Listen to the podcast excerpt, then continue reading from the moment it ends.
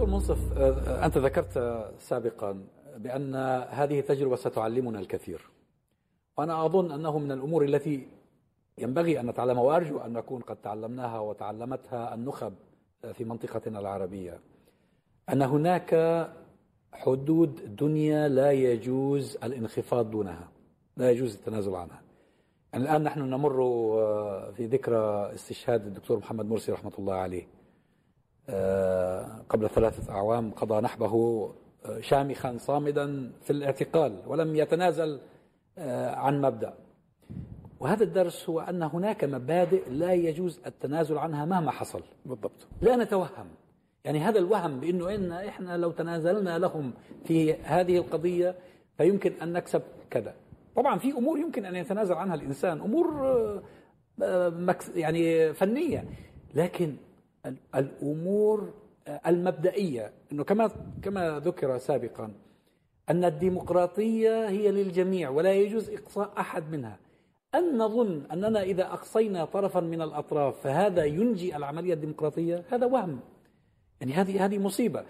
أن نظن أننا إذا تنازلنا لهم عن هوية أننا إذا تنازلنا لهم عن عقيدة أننا إذا تنازلنا لهم عن تراث عن إرث حتى لو كان غلط. إذا بدنا نتنازل عنه نتنازل عنه لأننا مقتنعون بأنه خطأ وليس لأنه ثمن لرضا هذه القوة أو تلك القوة. لكن كمل كمل الطرف الآخر.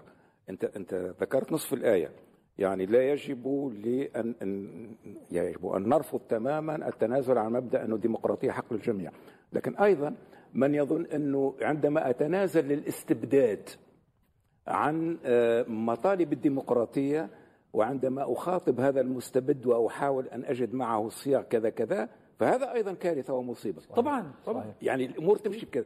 شوف أنا دائما حكيت لك قلت لك أنا بالنسبة لي أنا أعتبر نفسي تلميذ مانديلا وأحاول أن يعني أن أسير على خطاه. لماذا؟ لأن مانديلا كان يجمع بين خاصيتين، الخاصية الأولى أنه لا يقبل أي شيء باستثناء نهاية الابارتهايد. لا يستحيل انه يجمع شيء مع ناس ضد الابارتهايد. وفي نفس الوقت طيب يعني ننتهي من الابارتهايد ثم قضية الإجرام أو كذا نلقى له صيغة اللي هي صيغة العدالة الانتقالية. لكن لم يفوت ابدا في قضية نهاية الدكتاتوريه أنا يعني مشيت في في هذا الاتجاه أنه لا سبيل إلى التفاهم مع النظام القديم. هذا النظام القديم يجب أن يختفي. يجب أن يختفي. ما فيش ما فيش عمل مع النظام. مع النظام الاستبدادي. لكن نجد صيغة أيضا لمن ارتكبوا هذه الجرائم حتى تكون عدالة انتقالية وليس عدالة انتقامية. الصراع اللي صار ما بيني وما بين إخوتنا في النهضة هو قال لك لا قال لك إحنا خلينا نتفاهم مع النظام القديم خلينا نلقاه الصياغ مع النظام القديم خلينا وهذه النتيجة. هذه النتيجة هذا التف... يعني التفويت في المبادئ يجب أن يكون من الاتجاهين. يعني يجب أن يكون الديمقراطي يجب أن يقول النهضة لها الحق في أن تحكم وأن وفي نفس الوقت النهضة يجب أن تقول يعني الذين أصدقاء النهضة يقولوا يجب أنها أخطأت عندما قالت أنه يمكن التفاهم مع النظام الاستبدادي. هذه هي المصيبة. يعني ال ال الاتجاه يجب أن يكون يعني المشكلة في اتجاهين. الديمقراطيين لا يعني لا يقبلوا بأي يعني تنازل للاستبداد. والإسلاميين لا يقبلوا بأي تنازل للاستبداد، أنا ذاك كنا نمشي في نفس الاتجاه، أنا ذاك نستطيع أن نستبدل النظام الفاسد، النظام الدكتاتوري الفاسد بنظام ديمقراطي ولا نتحالف ابدا ابدا ابدا ابدا تحت أي ذريعة كانت مع انت دكتور أنت مع ذكرت يعني الدكتاتوريين ومع الفاسدين، هذا الذي هلك التجربة في تونس. يعني حضرتك ذكرت باسم الرئيس مرسي رحمه الله. إحنا في ذكرى الثالثة للاستشهاد والآن. وإحنا يحضرنا الآن المثل والنموذج الذي قدمه الرئيس مرسي وهو يعني ليس أقل من مانديلا الحقيقة فيما فيما قدم يعني من تضحية وثبات. وهو دي أحد الثوابت والمبادئ عنده لما قال الشرعية ثمنها حياتي. وفعلا وفى بوعده في النهاية كانت حياته ثمنا لهذا المبدأ الذي تمسك به وكان يعني تعرض لمساومات. حضراتكم أظنكم كنتم كل الجميع كان متابعها بما فيه السادة المشاهدين يعني المساومات التي تعرض لها الرئيس مرسي لنقله إلى دولة أخرى لتكريمه كرئيس سابق لأشياء كثيرة وأنه يخرج من السلطة بشكل كريم. لكنه رفض طبعا لأنه المسألة لم تكن مسألة شخصية بالنسبة له هو ولا لأسرته لكن كانت مسألة مبدأ وهو دافع عن هذا المبدأ حتى يعني لفظ أنفاسه الأخيرة فقدم لنا هذه ال- التجربة وهذا النموذج اللي إحنا الحقيقة بنفخر به آه، جدا يعني إنه آه، بيننا رئيس عربي ولم يعني مش بس مانديلا اللي قدم مثل هذه النماذج عندنا رئيس عربي أيضا قدم قدم حياته. قدم حياته في النهاية نعم. ف... نعم. هو طبعا أنا أنا قصدت بأنه التنازل عن المبدأ لا يجوز من أي طرف. من أي طرف اتفق. يعني هو وال- والإسلاميون الذين قدموا تنازلاتهم أكبر الخاسرين. بالضبط. يعني نحن شهدنا في متفقين على- يعني كانوا إخواننا في تونس يظنون أنهم يمكن أن ينجوا مما لم ينجو منه الإخوان في, في مصر. مصر. آه. ولم اخروا عملية ال- ال- أي نعم. بالرغم من أنهم قدموا تنازلات مذهلة. يعني أنا أذكر في عام 2016 لما رحت حضرت المؤتمر حزب النهضة وجن جنوني عندما سمعتهم يتكلمون عن الفصل بين الدعوي والسياسي وأمور غريبة شعرت بأن هذه كلها أثمان تدفع مقابل ألا يفعل بهم ما فعل بالإخوان في مصر. ولم ينفعهم ذلك شيئا. خلينا من النهضة ومن مشكله تونس. أنا بدي أحكي على الرئيس مرسي الشهيد الرئيس مرسي. شوف للأسف الشديد شعوبنا تخلط تقول لك السياسيين كلهم زي بعضهم. هذا الآن الآن في عملية تسطيح الوعي في تونس هذه قصة كلهم زي كلهم فاسدين. السياسيين كلهم زي بعضهم. لا حبيبي لا بقى. الشعوب كلها مش زي بعضها. يعني آه، الأطباء مش كلهم زي بعضهم إلى آخره. يعني هذا تسطيح الوعي كبير جدا. وبالنسبة لي قضيه الرئيس الشهيد مرسي آه، تضرب هذه الصورة النمطية إنه كل كل زعيم هو دكتاتور هو فاسد إلى آخره. لا لا حبيبي.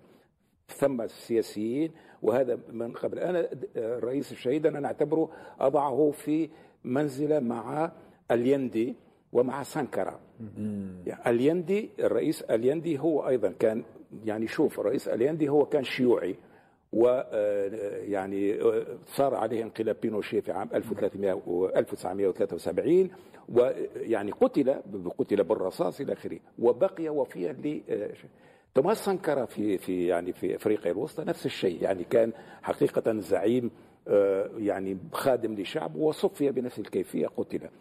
بما معناه أنه هناك سياسيين هناك رجال دولة الذين يرتقون إلى أعلى مصاف أنهم فعلا يمثلون قيم يمثلون التاريخ يمثلون شعوب. وعندك هؤلاء الخراديق اللي يحكموننا هذا كذا وكذا وكذا اللي هم سقط المتاع. بالتالي الشعوب أن تفهم أنه عندها آه، مش كل السياسيين فاسدين. مش كل الزعماء وكل الرؤساء يعني آه، كذا وإلا إحنا أيضا سنقول الشعوب كلها زي بعضها في الشعوب كذا ما, ما, ما يكونش. أنا أقول هذا لأني عارف إنه اليوم في تونس آه، أكبر مصيبة هي تسطيح الوعي وتسفيه الوعي السياسيين كلهم زي بعضهم. كلهم فاسدين. وهذا آه، اللي يؤدي إلى نتيجة هالكارثة اللي اسمه قيس سعيد. بما إنهم السياسيين كلهم فاسدين فيطلع لك أي واحد أي خردوق يطلع من كذا ويعني شيء مضحك إنه نظرا لأنه ما عندوش خبرة تولي هذاك عدم الخبرة هذيك تولي يعني مزية من مزاياه نظرا لأنهم لم يشارك. في النظام السياسي لأنه مش سياسي. تولي يولي هذاك شيء طبيعي يا قل لهم يا بشر يعني أنت تمشي الجراح تأخذ بنتك أو زوجتك أو أمك إلى جراح يقولوا لك والله نظيف لكن عمره لم يعمل عملية جراحية أنت يا تطلع في طيارة يقولوا لك والله سائق الطائره نظيف وكذا لكن عمره ما قاد طيارة لكن مستعد تعطي دولة لشخص نكرة غير معروف لمجرد انه والله مش سياسي. تسطيح الوعي ومصيبة كبرى وهذا ما أدى إليه الإعلام الفاسد وهذا ما يجب أن نحارب ضده. لأنه إذا كان تريد رفع الوعي عند الناس فهو يجب كسر هذه الأفكار الخبيثة المسممة التي سممت عقول شعوبنا. وتأكيدا على هذا الحقيقة أنه آه، نموذج آه، الرئيس الشهيد محمد مرسي رحمة الله عليه أصبح نموذجا عابرا لمصر. صحيح. أصبح نموذجا عابرا حتى للعالم العربي. هو فعلا مثل أيندي في هذا هو. العالم. هذا هو. ولذلك الحقيقة حين حين الحديث عن عن محمد مرسي لا ينبغي الحديث عنه ضمن السياق المصري. إنما إحنا كنا ندور على سياسيين آه، نظاف على سياسيين والله يعني مستعد أن يضحي بحياته والله ينسى. كلمة نظاف يلعن أبو هذه النظافة. هذه كلمة نظيف هي اللي جابت بهذا الخردوق إلى الحكم. يعني ه- يعني ولا وأضعفت الديمقراطية. نعم. وأضعفت الديمقراطية. وأضعف الديمقراطية. أنا يا سيدي لا طبعا نظافة الحاكم هي خلينا نقول زي ما يقولوا الحسابيين شرط ضروري ولكنه غير كافي. أنت تعرف ال- يعني في الحسابيات لما تجي تدلل على كذا لازمك تعطي الشرط الضروري والشرط الكافي. النظافة شرط ضروري.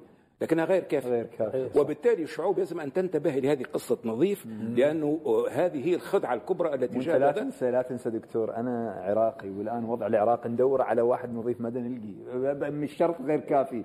إحنا بس نريد واحد نظيف فلذلك يعني هذا انعكاس. لكن كلامك صحيح بالتأكيد. يعني اليوم النموذج الذي ضرب لنا قبل ثلاث سنوات الحقيقة هذا نموذج ينبغي أن أن يسوق ينبغي أن نتحدث به ينبغي أنه نرفع به آمال الناس. الناس تبحث يعني من حيث تدري أو لا تدري. الناس تبحث. في سياق الحديث عن مرسي.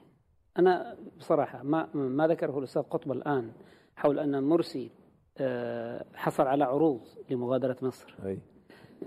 ومرت هذه المسألة دون دراسة سياسية كافية دون استغلال سياسي كافي. هذه هذه كارثة. صحيح. هذا إخفاق. لأنك عندما تثير قضية كهذه فأنت تحيل إلى الشعب المصري بأن آه، الذي آه، يعني استولى على السلطة الآن يريد إخراج مرسي لكي يطمئن أنه شرعي. هذ- هذ- هذه الرسالة. كيف تمر قضية كهذه ليست هذه فقط على فكرة معظم ما قيل لتشويه صورة الدكتور محمد مرسي ثبت أنه كذب. صحيح. ومنه صحيح. الاستئثار بالسلطة وعدم إشراك الآخرين معه. لا. الآن نسمع كل يوم والثاني يطلع واحد يقول والله الرئيس عرض علي عرض المنصب علي وأنا وأنا رفضت. و- ويفتخرون بها وكأن هذا يعني عمل بطولي أنهم رفضوا. حملة, حملة الطرف الآخر لم تتوقف عن شيطنة مرسي وإظهار وإظهاره شخص مغامر أحمق لا لم يفهم شيء ولم يحسن إدارة الدولة ولم يكن جدير بالسلطة مع أن هذا الرجل كان واحد من أكفأ من حكم مصر في تقديري يعني هذا الرجل أول من. نزل إلى الحقل. شوف شوف أنا أول من نزل إلى الحقل ليقود ثورة زراعية. هي مصر كانت في أمس الحاجة صحيح. إليها. كاد أن أن أن يحقق الاستقلال الذاتي من إنتاج أنا القمح. أستطيع أن أعطي شهادات يعني عن مرسي لأني آه، حكيت معه أكثر من مرة لأنه هو في الفترة القصيرة التي بقي فيها في السلطة. يعني قابلته في آه، يعني في أكثر من في الأمم المتحدة قابلته في القمم العربية القمم الإسلامية إلى آخره. وحكيت معه أكثر من مرة. فكنت أقول له آه، يعني لماذا لا تفتح يعني المجال حتى آه، يكون معك أكبر عدد ممكن من من هؤلاء الناس المدعين؟ ما حاولنا نفعله في فكان يقول لي "بل أنا عرضت عليهم أكثر من مرة. والله أحيانا نقول هل هذا صحيح أم لا. ثم أكد لي أيمن نور وأكد لي الكثير أنه فعلا لم يكن هناك رجل مفتوح على الأطراف الأخرى مثل محمد مرسي. شوف محمد مرسي يعني واجه آه، يعني طبقة يعني طبقة سياسية بمنتهى حاربته بوسائل قذف أحقر منها لا ي- بين قوسين القاسم المشترك ما بيني وبينه هو أنه يعني الأسلحة ال- الأسلحة الفتاكة الإعلامية التي شهرت ضده هي نفسها التي شهرت ضده بنفس الأشياء. مثلا أعطيك مثال مضحك. هو اتهم شوف مستوى الحقارة والتفاهة والخساسة. رئيس جمهورية يتهم بماذا؟ إنه يأخذ في البط ويذهب به إلى بيته. أنا اتهمت بأنني آكل بالقاروص اللي هو سمك السمك الغالي تضحك أنت. هذه فخ... يعني خسرتني الانتخابات. ليلة الانتخابات طلع التلفزيون حقيرة ب يعني بشه... بفاتورة مزيفة إن القصر الرئاسي في تونس يستهلك آلاف وآلاف من الدينارات في السمك الفاخر. صحيح. وهذه وقالوا قدموها على أساس أن هذه فاتورة شهر بينما هي كانت فاتورة سنوات وهذا السمك الفاخر كانوا المواطنين يأكلوه لأنه لم لم يفتح قصر قرطاج للمواطنين لما كنت أنا موجود. كان كل يوم جمعة. المواطنين يجوا يتغدوا على الطاولة. كانت يعني القصر كان مفتوح لكل فئات الشعب. واتهمت أنا وفي آلاف من الناس الذين صدقوا هذه الإشاعات. مرسي حورب بنفس الأسلحة القذرة التي هي الكذب والإشاعة والتفنيد. ثم يعني بنفس الكيفية التي حاربونا بها هو أنه افتعلوا ازمات اقتصادية افتعلوا كذا لكي يتخلصوا منه. غرفة العمليات التي أدارت المعركة ضد مرسي هي, هي نفسها نفسها التي أدارت المعركة ضدي وهي نفسها التي ستدير المعركة ضد أي رئيس ديمقراطي يجب أن يوجد وبالتالي إحنا الآن أصبحنا نعرف هذه تقنيات هذه المدى أصبحنا نعرف من هم يعني. آه، الذين ينفذون هذه الخطة. ويجب علينا ان نعلم الأجيال المقبلة أنه شوف لما تأخذ لما تجي ثوره ديمقراطيه انتبهوا هاي غرفة العملية إيش تعمل؟ هاي طرق تعملها هاي الآليات هاي الإعلام الفاسد هاي الصحفيين الفاسدين هاي كذا كذا. انتبهوا وردوا بالكم حتى لا تقعوا في الفخ الذي وقعت فيه أنا ومرسي. هذه التجربة التي يجب أن نتعلمها. تعرف أنت أن الانقلاب الذي حدث على الدكتور مرسي رحمة الله عليه هو أكبر شهادة له. لأنه لو كان كما آه، أشرت أنت إلى ما كان يروج في ذلك الوقت. لو كان مثلا آه، مفتقد للحكمة مفتقد للخبرة لتركوه يفشل. صحيح.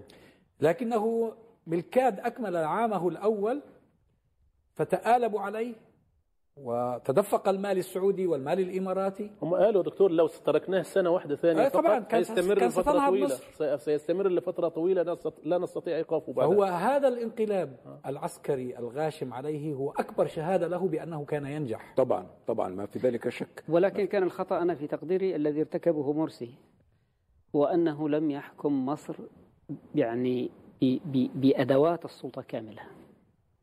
هي لم تكن متاحة لم تكن لديه. السلطة كاملة. أنت رئيس منتخب. كنت تريد أن تقنع الآخرين بأن الإخوان ليسوا هم من يسيطروا على مؤسسات الدولة. وكان في حملة حول فكرة الأخوان. وأنت لا تستطيع أن تدير دولة بكوادر موتورة بكوادر أصلا مرتبطة بمشاريع أخرى معادية. هذه كانت كارثة. يعني رئيس الوزراء كان ينبغي أن تسميه من من من حزبك. الوزراء الأساسيين كان ينبغي أن تسميه من حزبك. وزير ال- يعني آه، كنا بعد ثورة يا دكتور لا يصح. يعني ان إحنا كمان نكوش بالفعل فنصدق فيعني يبقى ده تصديق لل- الديمقراطية ينبغي أن تكون لها مخالب. لا بس الديمقراطية بس ينبغي أن أنا- تكون لها إذا مخ- تسمح لي يا أخي أستاذ انه هل هذا كان كان هذا كان هذا على الأقل كان هذا على الأقل. اي رئيس دولة جاء بعد التحول الديمقراطي. هل ممكن هذا الكلام؟ الجيش الجيش كان ضد مرسي بصفة واضحة والجيش هو المخالب والأنياب. يعني كيف انت أي مخالب وانياب وأنت الجيش ضدك. لديك قرارات سيادية. سنني خليني أقول لك. أنا اعمل تغييرات ووصل ت- تسمية تسمية هذا المنقلب اللي عندكم هذا السيسي ربما كانت أكبر خطأ فادح اللي ارتكبه الرئيس عن حسن نيه لكن أنا عندي قناعة انه أي شخص آخر كان سيفعل نفس الشيء لأن عن حسن نيه ونزولا عند آه، نصيحة من من كان يظن أنهم ينصحونه لكن لأنه ما كان يعرفه شوف ولم يكن الماكينه يعرفه. الماكينه ماكينة الجيش وماكينة يعني ال- التي كانت باقية كانت أكبر من من حجم. ثم لا تنت- انتبهوا إلى شيء إنه بالنسبة لمرسي كان من غير المقبول أنه يتواصل لقضيه بالقضية الأساسية لأن مصر دولة عظمى ودولة قوية ودولة إقليمية ودولة تلعب يعني حاجة مركزية. يعني هم كانوا فاهمين إنه سيقع الانفتاح على آه، آه، يعني على القضية الفلسطينية بكيفية رهيبة، ربما ستعاد قضية آه، معاهدة كامب ديفيد، ربما ستتغير وهذا كان غير مقبول. يعني هو كان في في فم المدفع مثل ما نقول، كان في فم المدفع، رأسه في فم المدفع. ال- آه، إسرائيل كانت ستسمح ببقاء شخص كهذا، السعودية كانت ستسمح. أنا من اللي شوف أنا لما سموه اولا قلت هذه معجزة، قلت يا ربي وقلت لن يدوم.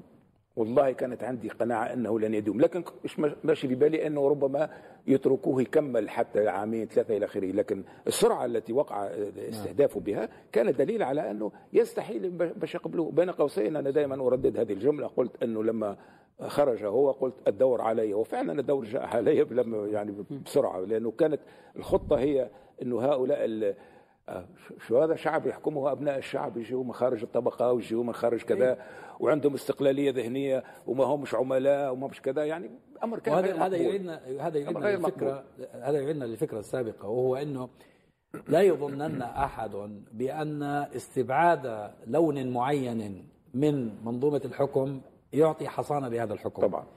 الذي يعطي حصانة لهذا الحكم هو أن تجمع جميع الأطراف الفاعلة في المجتمع سياسيا على المبادئ الديمقراطية. ما نتنازل عنها. آه، إخواننا عندما شاهدوا إخواننا في تونس واخواننا في اليمن لحد ما لما شاهدوا ما حصل في مصر بدأوا كله خاف. يتنازلوا. يعني أنا سمعت من بعض إخواننا التوانسة الطائر يعني خلاص واليمنيين يتبرون من الإخوان المسلمين وإحنا وياهم كنا إخوان مسلمين في حلقات واحدة في أسر واحدة ليش؟ لأنه كانوا يفكروا إنه إذا إحنا قلنا إنه إحنا مش إخوان مسلمين لن يتعرضوا لنا، لا يا عمي إحنا إخوان مسلمين، كنا إخوان مسلمين في نفس الأسرة. كيف أنت الآن بت- بتفكر؟ يعني هذا وهم، وهم عجيب ولم يوفروه. شوف أبو أبو ناجي اللي بدنا نحاول يعني حقيقة آه، في جهد يقوم به البعض حول آه، محاولة صياغة آه، خطوات نتصورها في في حال انفرجت ال- الأوضاع في بلد ما، يعني نقول مثلا في تونس عندنا آه، آه، ما هي الخطوات التي ينبغي فعلها؟ وما هي المسائل التي نحاول الابتعاد عنها حتى لا لا تفتح علينا أبواب من النار؟ ويعني حتى نتعلم من الدروس التي مضت. الآن شفنا الآن شفنا. الآن والأول- شاهدنا زي ما حكى لك الدكتور منصف بدأ بالأول بدك تحدد الخط. الأبارتيد لا يمكن أن نقبل به. تمام. زي في فلسطين إخواننا لما راحوا آه، وقعوا اتفاقية آه، أوسلو. أي. قبلوا بالصهيونية. تمام. كيف تقبل بالصهيونية؟ الصهيونية المفروض مرفوضة. أنا لما تلتغي الصهيونية ممكن أتفاهم مع اليهود. ما هو ما عندي ضمن مشكلة. نفس القاعدة. اليهود كيهود ضمن نتفاهم نفس معهم. القاعدة. شوف أبو ناجي ضمن نفس القاعدة. آه، وقت ما كان الرئيس كان في بداياته. في وفد من الخبراء التقى به خبراء من حول العالم اقتصاديين وزراعيين واستراتيجيين ومسائل آه، يعني لأنه الجميع كان محتفل ومن حول العالم بالمناسبة وناس آه، أشكال ألوان من كل الملل والنحل. أذكر إلى الآن أحدهم كان روسيا وكان رجل كبير في السن وكان يعني يشرب إلى الثمالة يعني لكن كانت عنده يعني مقدار هائل من الخبرة ومن ال... ويتكلم هكذا بشكل عفوي لكنه حقيقة يطلع من عنده درر. قال للرئيس مرسي قال له أنت اولا لو أنا مكانك ما كان قبلت بهذه المهمة. قال أنت ورثت وبفظاظته يعني الروسية. قال له أنت ورثت جبلا من القمامة. قال له انت هذا انت خمسين سنة سبعين سنة من الفساد من الكسل من الفشل. انت تتكلم عن مشاريع يعني زي الواحد جالس على كرسي لمدة 20 سنة بعدين تريد يركض الماراثون.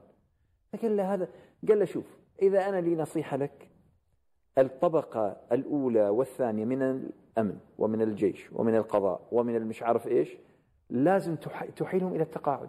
قال إحنا لو كنا في روسيا كان عملنا غير شكل. هو قال له قال له كان عملنا غير شكل. طيب هو إحنا في روسيا.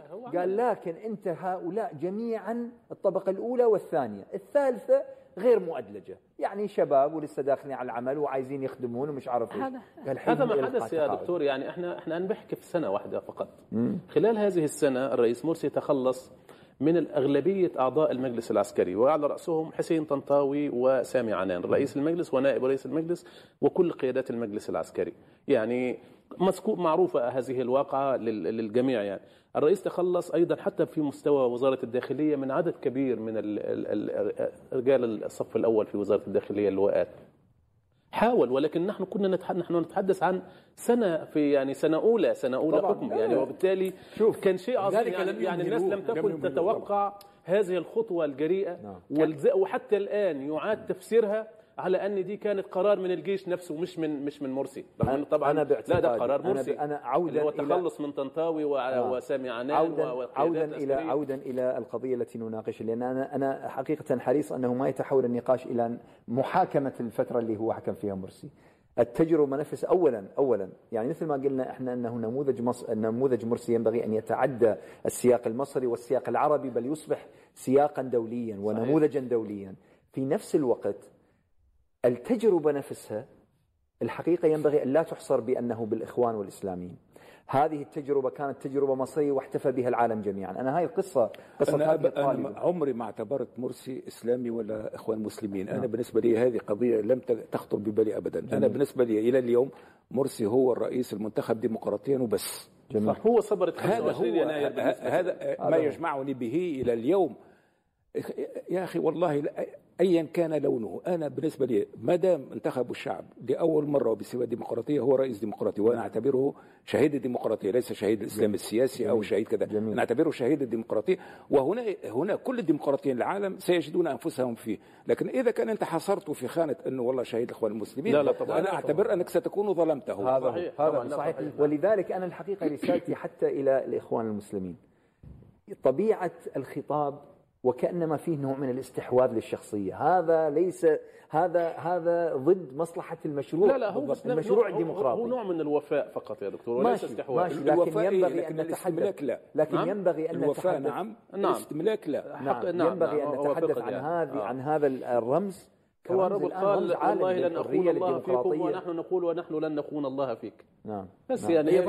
ينبغي هي هي المشكلة في بعض الأطراف الأخرى من خارج الصف الإسلامي التي شمتت به ووقفت ضده لمجرد أنه إسلامي، لكن لو نظر الناس إليه على أنه ابن مصر ابن الثورة ابن وابن الثورة في الثورة يناير وأنه أول رئيس منتخب ديمقراطيا. المفروض إنه الجميع يفتخر به. لكن ولهذا- أنصاف الديمقراطيين اربعه ديمقراطيين خمس ديمقراطيين هذا هم اللي شباب يعني الديمقراطيين الحقيقيين يعني لن إنه- تنتهي لن تنتهي. غرفة العملية مستمرة على فكرة في تقديم دحين. ليش ينبغي أن آه، تستمر عملية تصدير مرسي كرمز كرمز ديمقراطي.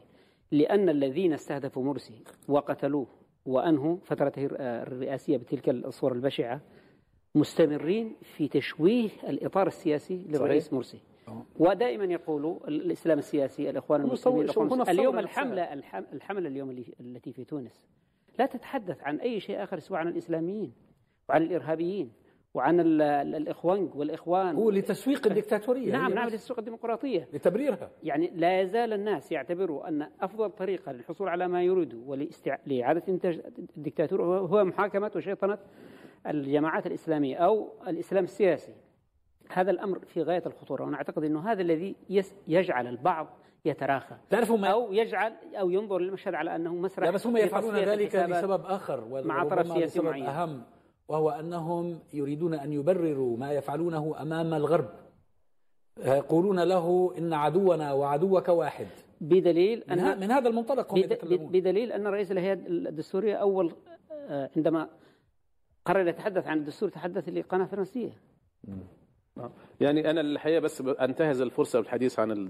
عن مرسي رحمه الله أنه آه، يعني في مؤسسة مؤسسة مرسي للديمقراطية ويسعدنا يعني انه يكون الدكتور منصف المرزوقي هو الرئيس الشرفي لهذه المؤسسة.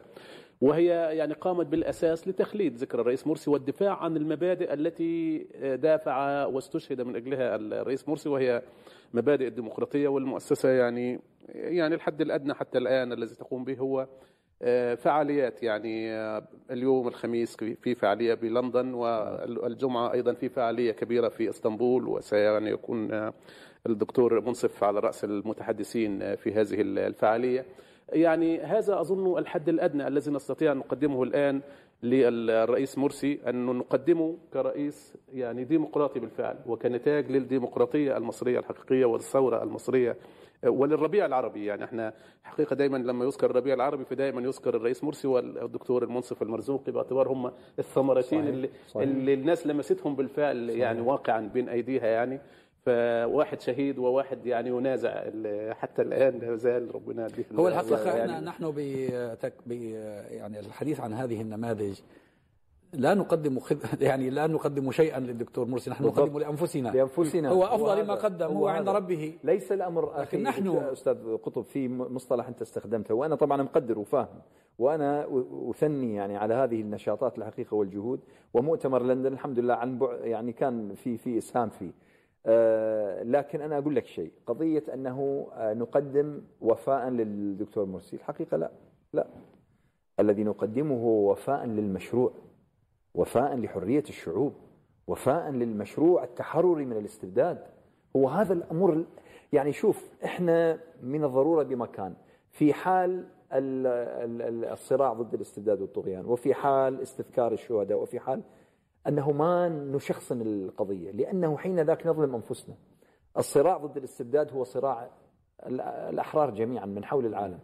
الذي يمثله مرسي يمثل والله اللي يكافح ضد الاستبداد مثلا في فنزويلا ولا في بوليفيا ولا في روسيا ولا في أي مكان آخر فلذلك الأمر الحقيقة ينبغي حتى من خلال خطاباتنا وإعلامنا وإشعارنا بهذا الأمر أن نبرز الأمر على أنه لا يختص بجماعة، لا يختص بأسرة، لا يختص بفرد، إنما يختص بمشروع، مشروع تحرري وهو مشروع بشري. وبما أن الأمر يتصل برمزين من رموز الربيع العربي مرسي رحمة الله عليه دكتور منصف المرزوقي الذي آه، نسأل الله أن يمد في عمره. آمين.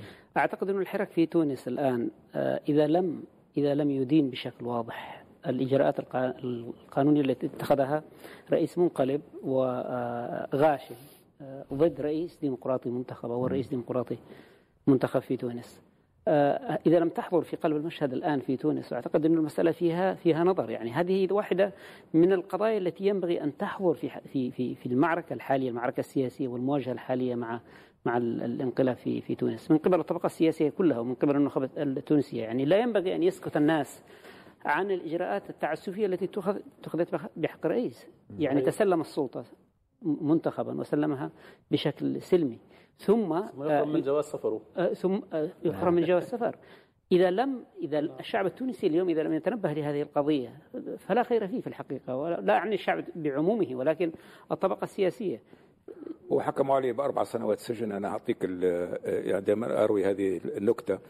آه، يعني لم أعلم بهذه الحكم إلا من طرف صحافي. صحافي فرنسي كلمني قال لي ما هو تعليقك على الحكم الذي صدر في حقك؟ قلت له أي حكم؟ قال لي مش في علمك؟ قلت له لا ابدا. شنو القصة؟ قال لي أعلمك بأنك محكوم بأربع سنوات سجن بتهمه الخيانة. فضحكت لأنه عندما أقول لك انه دكتاتور متربص لا يعرف الأشكال لأنه حتى في عهد بن علي كانت تجيني يجيني استدعاء.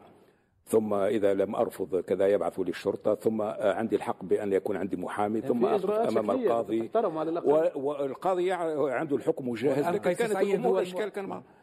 قيس سعيد هو المحقق والمدعي العام والقاضي وال- ومنفذ الإعدام. اجتمعوا اجتمعوا وهو شيء مضحك هو في جلسة